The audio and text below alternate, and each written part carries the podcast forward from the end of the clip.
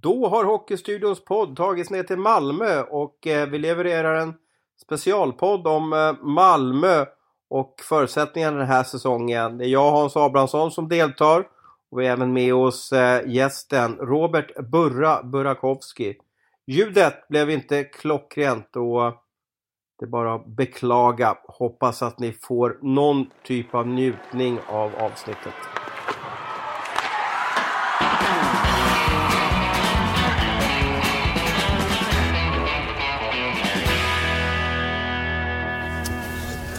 Ja, men då drar vi igång här. Eh, jättekul att så många kommer hit för att eh, lyssna på oss. Och vilka är vi då? Vi är eh, Hockeystudion och vi kommer från eh, Sportbladet i Stockholm. Vi försöker varje vecka göra en podd i vår studio i Stockholm. Sen försöker vi vara ute i de olika SHL-arenorna och träffa folk och, och göra så lite specialpoddar. Och idag har eh, turen, eller oturen om man ska säga, kommit till Malmö. Och Abris, välkommen! Ja, tack så mycket. Hans Abrahamsson heter jag och det är Thomas Ros som står där och vi har ju en väldigt eminent fin gäst med oss idag också. Jag behöver knappt presentera dig. Robert Burakovsky.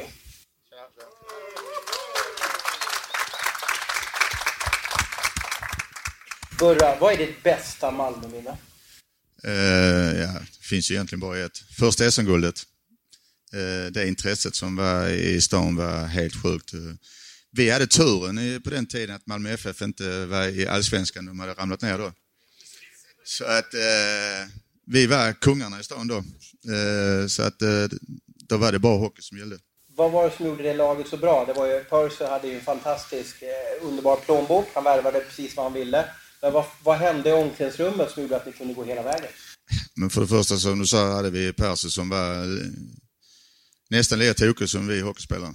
Vi hade eh, ett gemenskap och eh, kamratskap eh, utav det vanliga. Eh, vi var otroligt duktiga spelare på, på varje position.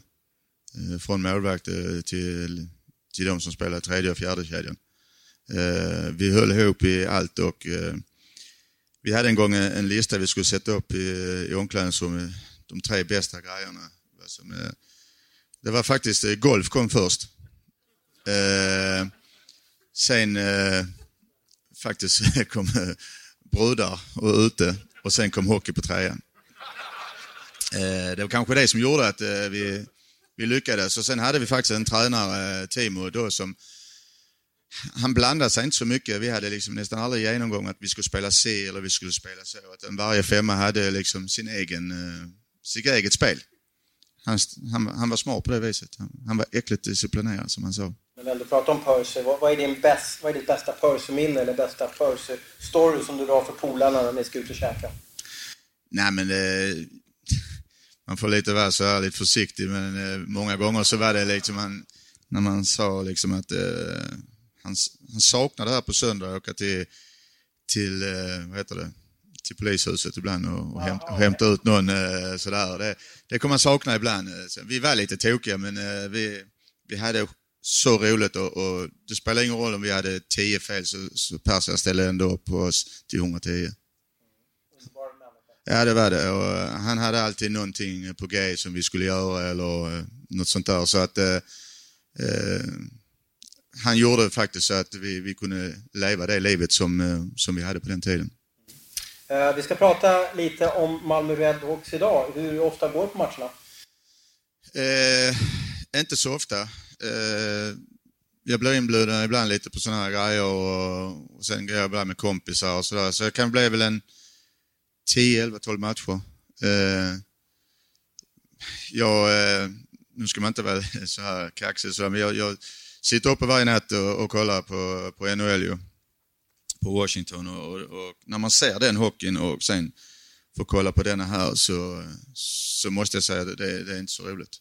Nej, du menar att det, det är en bättre produkt på andra sidan? Det, det är det ju. Det, absolut är det så, men eh, jag, jag tycker inte hockeyn är sådär himla rolig och, i, emellanåt när man ser det. Jag tycker det, det är liksom ingen, det är ingen fantasi bakom. Det är full fart tycker jag liksom, och det ska gå fort och det ska göra ont. Om man inte tacklar en kille och han inte ligger kvar och det gör ont så, så har det inte varit någon bra tackling. Jag, jag, jag saknar det här, en kille som kan liksom bromsa upp, kolla upp, var har man sina medspelare och, och sådär. Jag tycker det är för mycket tuta och köra. Kan vi ändra någonting i regelverket för att få en roligare hockey här hemma? Eh, ja, eh, alltså när man träffar rätt många gamla kompisar, eh, inte bara Malmö utan eh, när jag spelade här i, i elitsen, som det hette på den tiden, så när man träffar Djurgårdsspelare eller Luleåspelare och sånt, vi är jävligt goa kompisar fortfarande, alla de här gamla lirarna. Så när man träffar dem så sätter man sig och pratar. Och alla är lite överens, de jag har pratat med, eller vi tycker att det ska vara roligt att prova en säsong med lite mindre, lite mindre rinkar eh, och se om, eh, om det blir ett annorlunda spel. För man känner ändå att publiken eh, har ju börjat svika lite. Så varför inte prova något nytt? Vad säger du om det förslaget, Abris?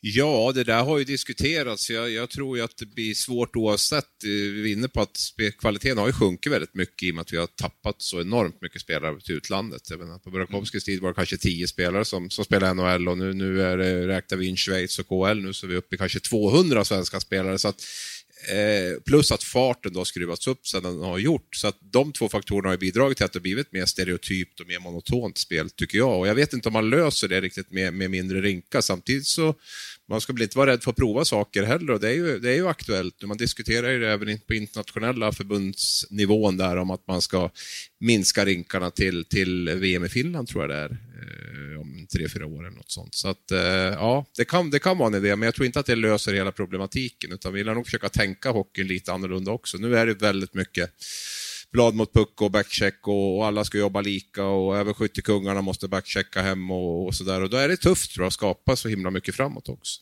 Vad säger du om årets upplaga av Redhawks då? Och vad tycker du kännetecknar laget och, och, vad behöver de för att det ska bli en, en fantastisk vår här nere? Eh, det det jag har sett. Eh, jag tycker de är otroligt ojämna. Eh, ena matchen kan de spela riktigt bra hockey och sen kan det gå väldigt lång tid innan, eh, innan de eh, får till det igen. Eh, jag kan nästan tycka att Oskar och, och, och vad heter han? nu står jag stilla. Lindstorp eh, eh, har, har räddat Malmö. Kanske hade de inte de varit där så tror jag faktiskt Malmö hade legat lite längre ner. Eh, där finns eh, mycket hockey i det, men eh, jag tycker eh, som sagt är väldigt ojämna. Men ska man eh, bygga vidare på det här så tror jag man måste ha minst två riktigt första och en andra back. Eh, och sen så måste man börja hitta, det är inte lätt, jag kanske får knyta på mig igen, att hitta en, en målskytt eller två eh, som, som kan göra de här eh, oväntade målen eh, från liksom, det, det, tycker jag jag saknar. Eh, så att eh, ja, de får kämpa. Men det är väl så att Malmö har ju gått från att vara på 90-talet ett, ett stjärnlag med fantastiska profiler. Idag är de ju ett hårt arbetande kollektiv. Abis, du följer ju alla 14 SHL-lag. Vad tycker du kännetecknar det här laget och, och har de inte gjort precis liksom det som man kan kräva av dem? Jo, men det är ju precis som du säger, Malmö är ju kanske idag, det är ju fascinerande. Jag som var med på 90-talet och liksom där Malmö var glamourlaget och de här stjärnorna och nu skulle jag vilja påstå att det kanske är det mest konsekventa och mest hårt jobbande laget i, i hela ligan. Så att man har gjort vad man, vad, ungefär vad man förväntar sig med tanke på att man har ju rensat ut i stort sett alla, alla dyra spelare är borta, man har ett kollektiv där alla jobbar hårt och sådär och, och, ett bra målvaktsspel. Så det, det, är väl ungefär där, jag tror jag tippar dem 9-10 någonting i tabellen och det är väl där någonstans det ligger. Och, eh, ska de komma lite högre upp så behöver de nog få in lite mera spets tror jag. Mm. Vad tycker ni i publiken? Vad tycker ni det här laget saknar? Och, och jag vet att det finns... Plocka hem André och Kalle Söderberg antar jag att du... När kommer André spela för, för Malmö? Eh, han är ju Malmö på, han är liksom... Han är ju... Malmö är långt in i hans hjärta. Ja, eh, om du frågar mig så kommer nog vara väldigt länge. Däremot så tror jag kanske att Kalle ligger i så fall närmare. Han har ju, som alla vet, Zlatans hus och han är också väldigt eh, Malmökär. Eh, och han har själv sagt att eh, den dagen eh, så blir det att flytta hem till Malmö. Och jag, nu har ju Kalle haft en, en fantastisk säsong i år. Eh, riktigt, riktigt bra. har fått tränarens förtroende. Kommer jag första året när han kom till Colorado, då ville de inte ens ha honom kvar. Eh, och han ville inte själv vara där, men sen bytte de med tränare och så fick han eh, ett helt annat gå och han är riktigt bra idag. så att och sen är Kalle den, han bryr sig inte så mycket om vad alla andra säger, han går sin egen väg och jag, jag tror inte det är många år sedan är han hemma. Ja, Kalle Söderberg, ABs mål i World Cup, då hade han inte det lätt. Och då var det många som tyckte att eh, han gjorde inte så jättebra ifrån sig. Men så i år har han ju bara smält till och kanske är en av Colorados bästa spelare. Ja, men det är väl lite, hans karriär har väl gått lite upp och ner också där. Han ju, fick ju var, var, kom ju till Linköping där och fick en fantastisk utveckling där och hade väl gått, gått här nere och kört fast lite grann kändes det som. Och sen har han haft några tuffa år och nu har han studsat upp igen. Så det är ju det är en spelare som alltid har gått lite sina egna vägar och eh, när det går bra så, så går det riktigt bra för honom. Vad säger du om eh, det lagbygget som Sylvegård har gjort, David? Ja, alltså, du tänkte på det. Det känns som vi var väldigt negativa här nu. Liksom, vi pratar om att det inte finns några stjärnor och det, liksom, det, det är lite sådär. Men alltså, det man måste säga med, med Malmö är ju de här slutspelen, i framförallt kvartsfinalerna, så tycker man har imponerat. Och jag tror att det här laget är byggt mycket för att vara bra i ett, i ett slutspel, där eh, det blir lite andra värden som kommer in kanske än just det här och ha den här spetsen, utan där kan den här lagmaskinen fungera ganska bra. Så att eh, man har ju medvetet byggt det här laget, dels på grund av att ekonomin har blivit sämre, men också att man har känt att man tycker inte att man har fått ut tillräckligt mycket av de här så kallade stjärnorna då, som man har tagit hit från i Nordamerika i första hand, utan då har man valt att satsa på fler svenska killar, många med skånsk anknytning eller dansk anknytning, om vi säger så. Och det jag kan gilla med Malmö är att man ändå sort, man skapat en egen identitet lite grann i det här eh, mycket folk från regionen, mycket hårt jobb och så. Det, det kan jag sakna i många andra klubbar. Att man vet inte riktigt vad de står för, många klubbar tycker jag idag. Och där, där tycker jag Malmö på så sätt har varit ett föredöme. Att man, man, eh, man vet vad man vill och man har en kontinuitet i tränarstaben. Tycker man har en bra tränarstab som jobbar mycket med, med detaljer. Även om man inte har fått ut fullt kanske i år. Då, men, men, eh, så att det finns mycket att, att bygga på ändå tycker jag. Har man haft väldigt otur också med den här säsongen. Jag tänker på att Varg mitten av säsongen ville hem till Örebro. Molin som var tilltänkt att vara kanske ja, topp tre på, på forwardsidan eh, blev skadad och inte kan göra de här målen som de väl så behöver. Det är ganska mycket stolpe ut för Malmö.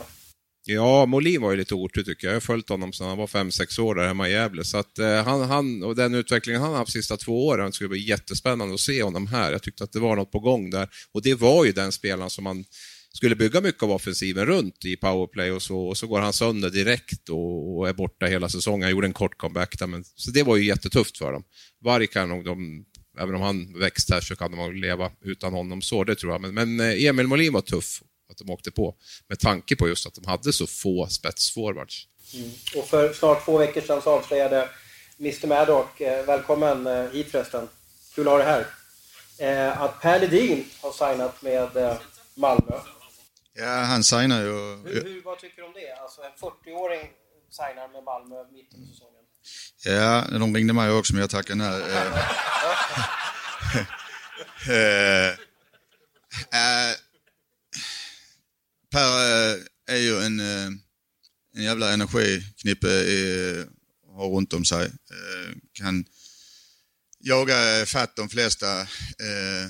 Men frågan är om det är rätt melodi och ta honom. Det, det var tränaren som ville ha honom, men jag tror mer på att det är bättre kanske att han är ombytt och så står han bak vid Peter och dem och, och peppar grabbarna. Jag, jag såg han lite förra året med, när han var i Karlskrona.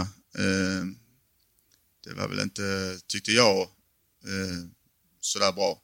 Så att det är nog många som höjde på ögonbrynen, men jag tror att han kan nog, eh, när vi börjar närma oss precis kanske ett slutspel, att eh, jaga sina, sina lagkamrater och och höja dem ett par snäpp. Det, det tror jag säkert, men eh, hockeymässigt tror jag inte att det kommer att räcka till.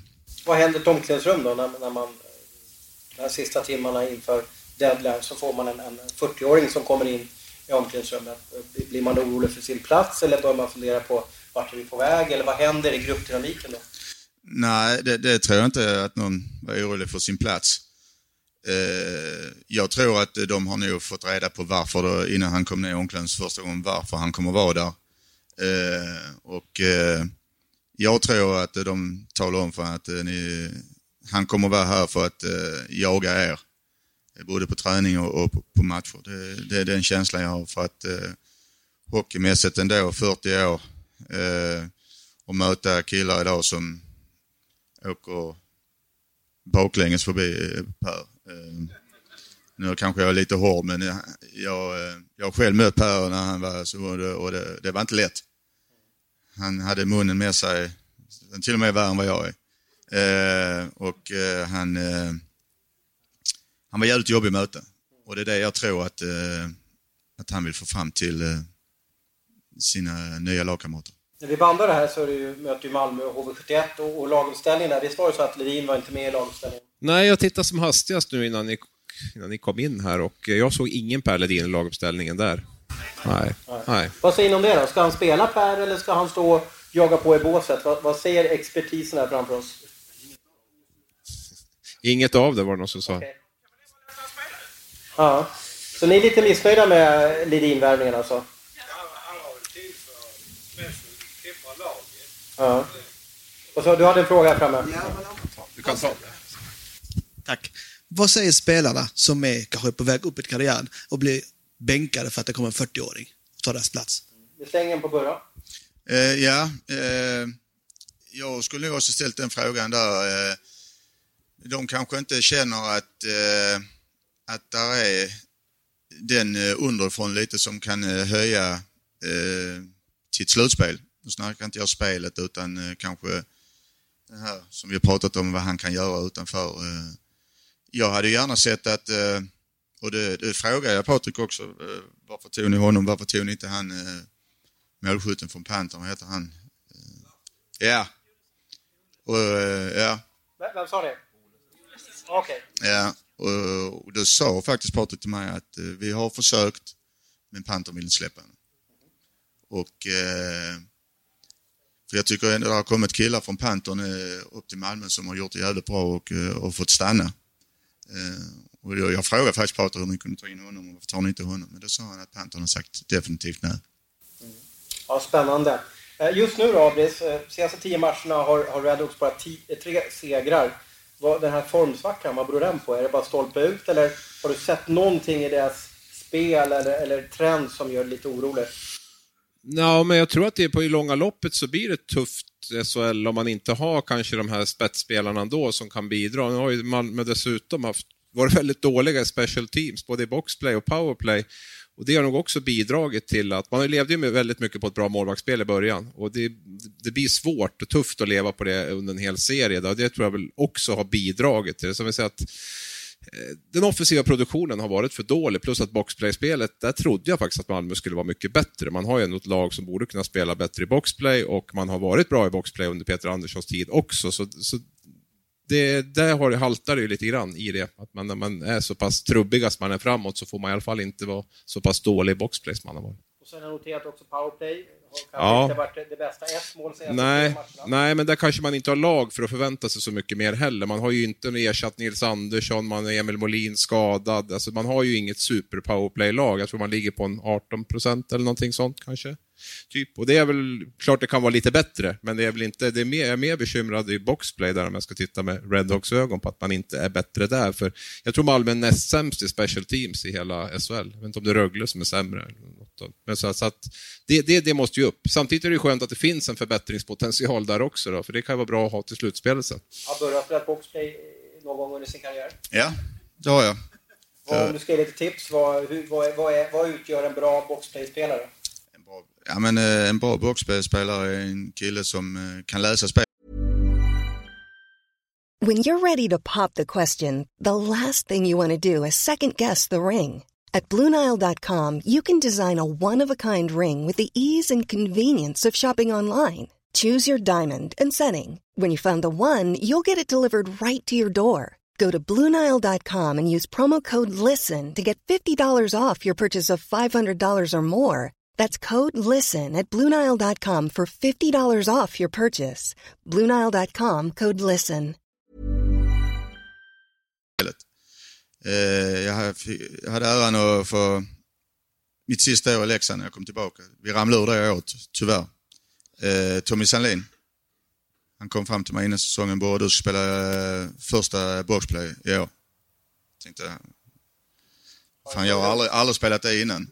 Nej men han sa, du Tor Wikenstad ska spela det för att eh, eh, jag tycker att eh, spelare som kan läsa spelet eh, eh ska spela boxplay och eh, jag och Tora faktiskt i toppen i, i elitserien på den tiden i, i box. Och det gäller ju nu är det väldigt mycket att du ska ligga pucklinje och, så, och täcka, täcka, täcka. Det var inte så mycket det förr utan det var mer att läsa spelet och se till så att målvakten hade fri, fri sikt. Eh, så att, eh, men det var inte mina... Man körde, vad heter det, man körde strutsen på den tiden när det kom ett skott ju. Då lyfte man på benen. Ska inte träffa mig. idag gäller det väldigt mycket att, att ligga i, i skottlinjen och det vet jag redan sen 16-landslaget och hela vägen upp kör de ju otroligt mycket med ligga skottlinjen. Täcka, täcka, täcka. Jag kommer ihåg när jag var och tittade på träningarna André började med sin 16. Halva laget satt i, utvis, eller i båset hade ont.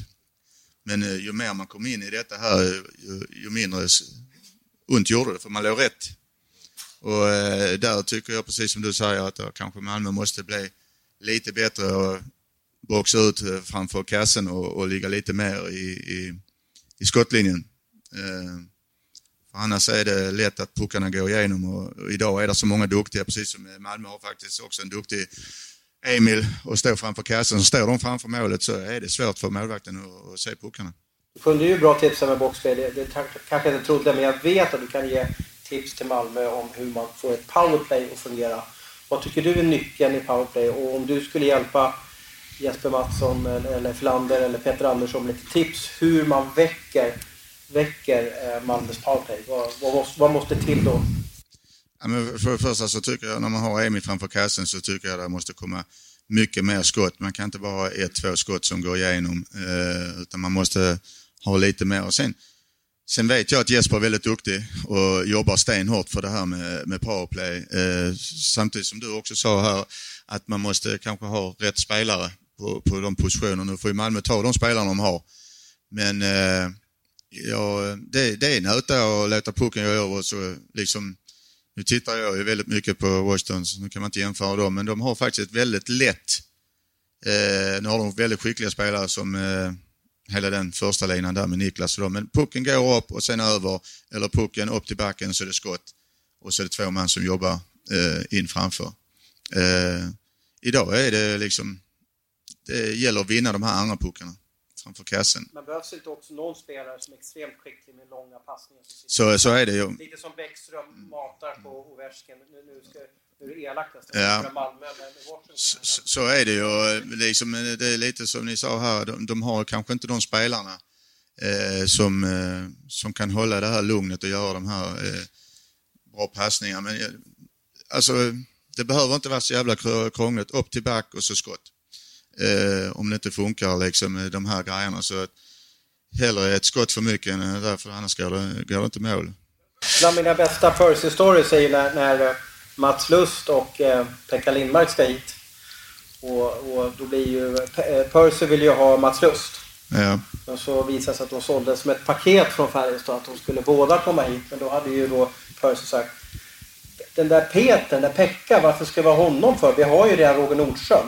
Så han visste ju inte vem Pekka var då och då hade ju Pekka precis blivit vald till världens bästa målvakt. Jag tror inte Percy visste så mycket om hockey eh, på, den, på den tiden utan han hade bara fått reda på att nu ska jag köpa ett lag och Färjestad var ju toppen på den tiden. Så att, eh, men det ska nog Roger vara väldigt glad för att, eh, han att han fick eh, Pekka som eh, mentor. Och sen de sista åren så var det ju roligt också för att då började Roger närma sig Pekka och då började till och med Pekka kämpa på träningen. Så att eh, då var det roligt. Det är så här att du har ju helt riktigt att, att Timrå har ju lägst spelarbudget i SHL i år. Sen kommer Mora och sen har vi faktiskt Malmö på en tolfte plats i SHL. Så tänker man på det så har ju Malmö gjort en fantastisk säsong. Men, men Växjös spelarbudget eh, är ju liksom skyhög jämfört med, med Malmö. Så att kommer ABS, kommer Malmö någon gång i framtiden komma, papp, komma ifatt de här storlagen? Eh, budget, alltså, budgetmässigt? budgetmässigt? alltså, spelarmässigt när man, när man kan köpa spelare som Malmö bara drömmer om. Jag hävdar ju att SHL är en ganska jämlik liga när det gäller spelarbudgetar. Jag tycker inte att det skiljer så himla mycket mellan. Man delar de här centrala avtalen exakt lika mellan klubbarna och sen är det ju viss skillnad i arenaintäkter, vad man kan dra in på arenan. Det är väl det och, och, och, och, och lokala sponsorer. Ja. Jo, det är ju olika ägare. Här har ju inte Malmö några stora förutsättningar att dra in pengar på, på arenan, så det, det, är ju ett minus för dem. Men inte, jag tror inte att det behöver stå och falla med det. Att man, jag tror nog att Malmö kan komma upp på en nivå där man, där man är i närheten. Det är väl bara ett par år sedan så låg man väl betydligt högre spelarbudget än vad man gör nu och jag tror säkert man kan komma tillbaka dit också. Det tror jag.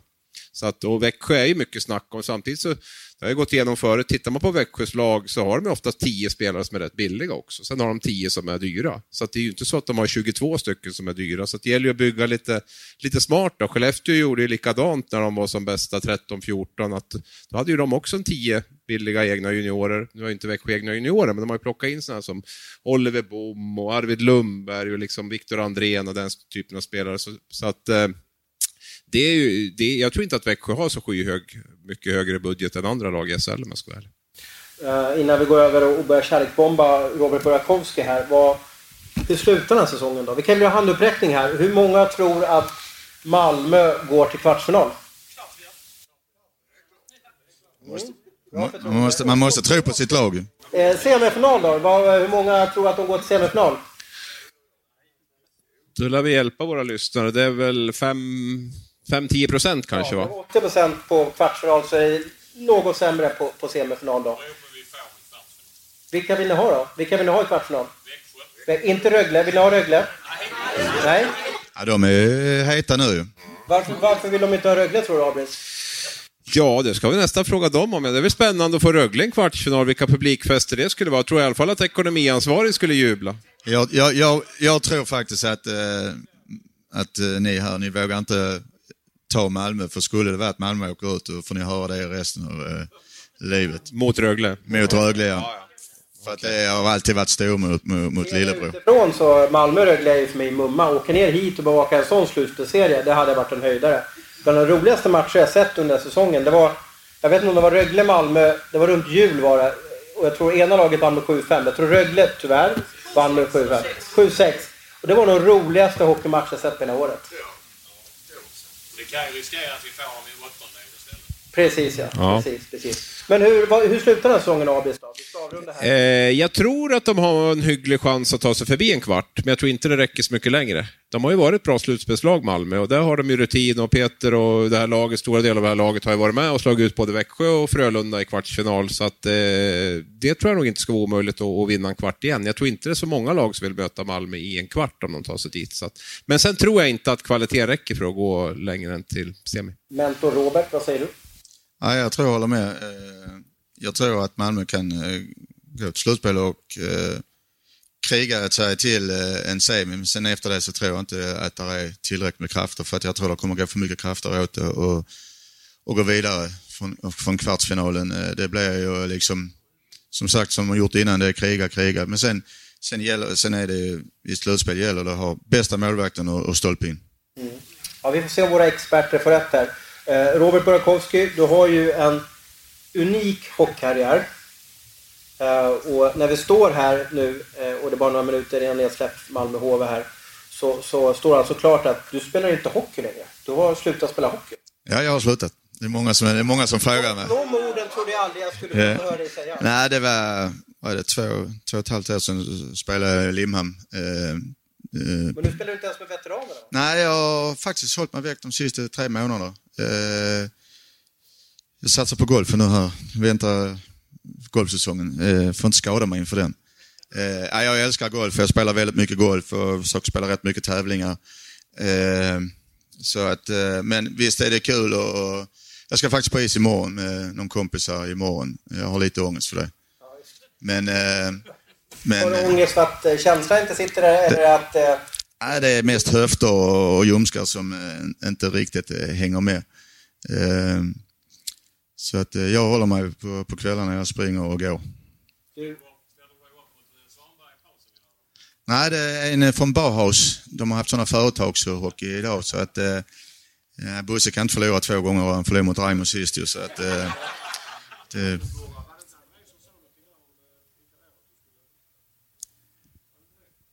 men om jag spelar så ser han upp bekantskapen till mig. Han, eh, han är inte nöjd. När jag spelar med, med hans kompisar då i Limhamn. Men, ja. Men du, eh, vad är du mest nöjd med? Du har ju, du har ju eh, är det 24 klubbar eller vad är vi uppe i nu? Har du, har du, jag försökte, jag startade och började räkna dem men jag, jag orkar inte vägen ut. Nej. Kulorna.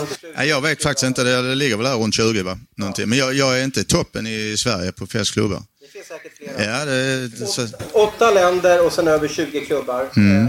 Vad är du mest nöjd med under din karriär? Jag är mest nöjd är såklart att få, få vara eh, i en sån stor klubb som, som Leksand på den tiden. Eh, det kommer alltid vara nära mitt hjärta. Jag har väldigt goda vänner och jag umgås fortfarande med mycket av de folken där uppe. Jag älskar att vara i Leksand, speciellt på sommaren, midsommar. Eh, självklart SM-guldet slår ju det mesta, första SM-guldet här i Malmö med den publiken och det trycket vi hade på, på isstadion.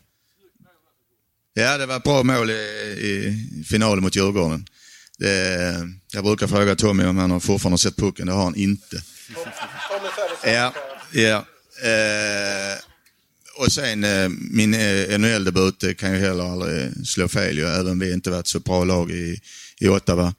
Eh, men eh, min hockeykarriär där jag tyckte jag spelade bäst hockey måste jag säga var i Schweiz. Där, eh, det var fantastiskt, där, där spelade jag min bästa hockey någonsin. 70 poäng i, i, i eh, Liga B och sen gjorde du 49 poäng med Friborg där, Gotland i, Mm. i, i Liga A då. Varför bytte du klubbar så ofta? Eh, ja, jag fick, om jag ska vara riktigt ärlig, jag, jag, jag har alltid varit känd eh, överallt för att göra mycket mål. Och jag blev faktiskt eh, väldigt jagad av många klubbar för att de ville ha målskytt. Okej, så du var värvad hela tiden? Jag blev värvad hela tiden eh, och eh, hade man blivit så, om man tänker på pengarna idag, så eh, hade man haft eh, hus både i Spanien och Florida överallt. Men de pengarna var inte så stora på den tiden ju.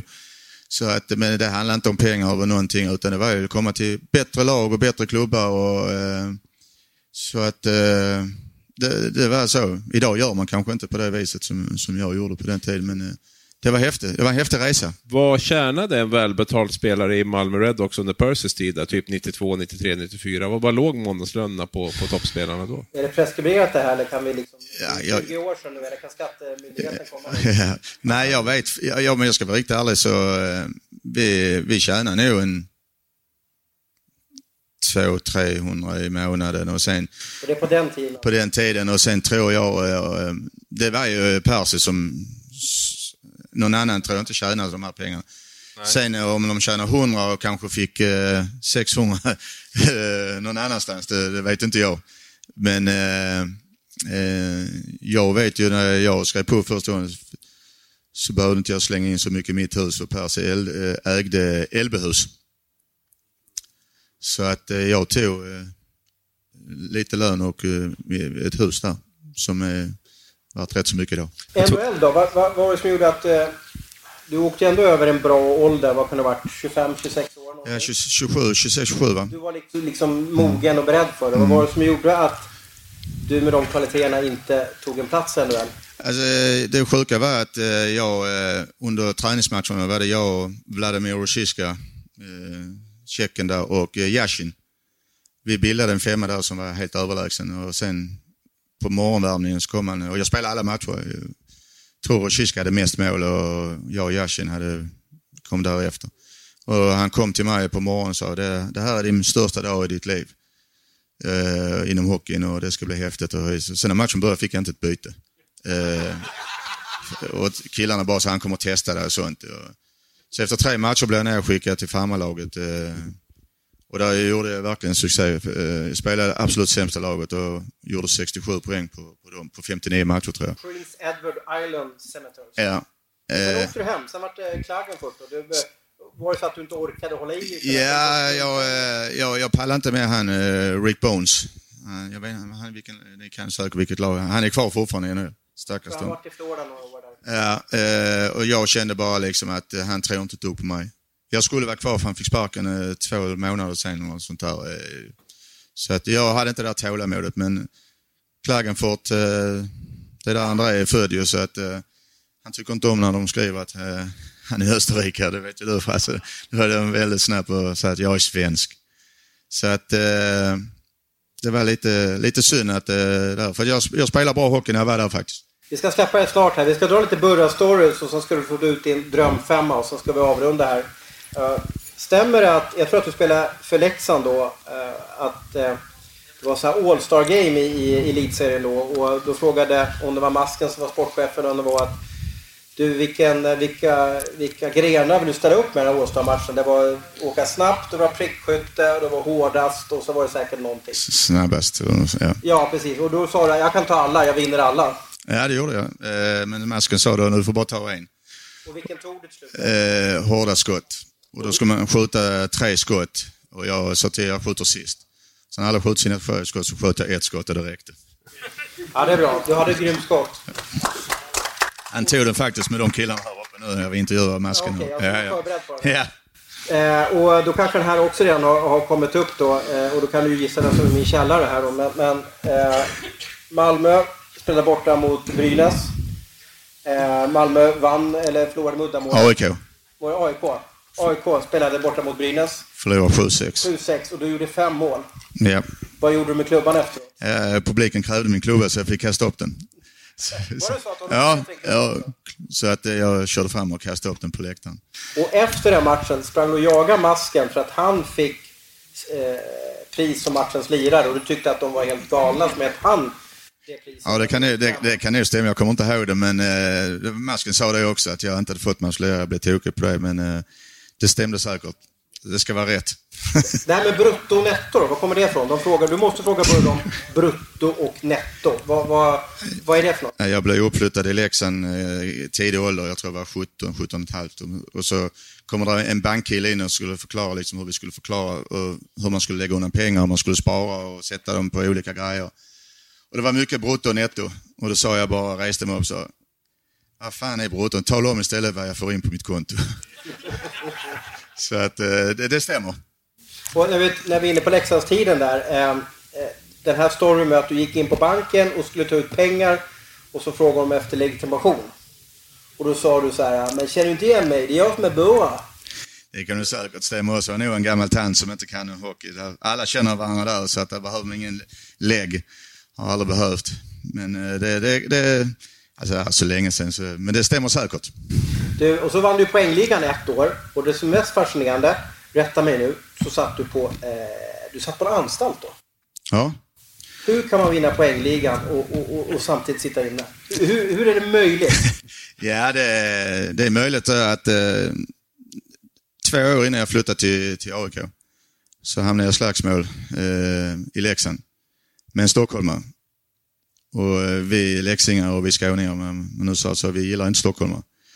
Och han var, han var, han var dum och skulle impa på några tjejer där och han gav mig en smäll och så fick jag smaka på det skånska stålet då. Du hade hjälp av Heinz Eders här. Nej, han, eh, han hade gått hem.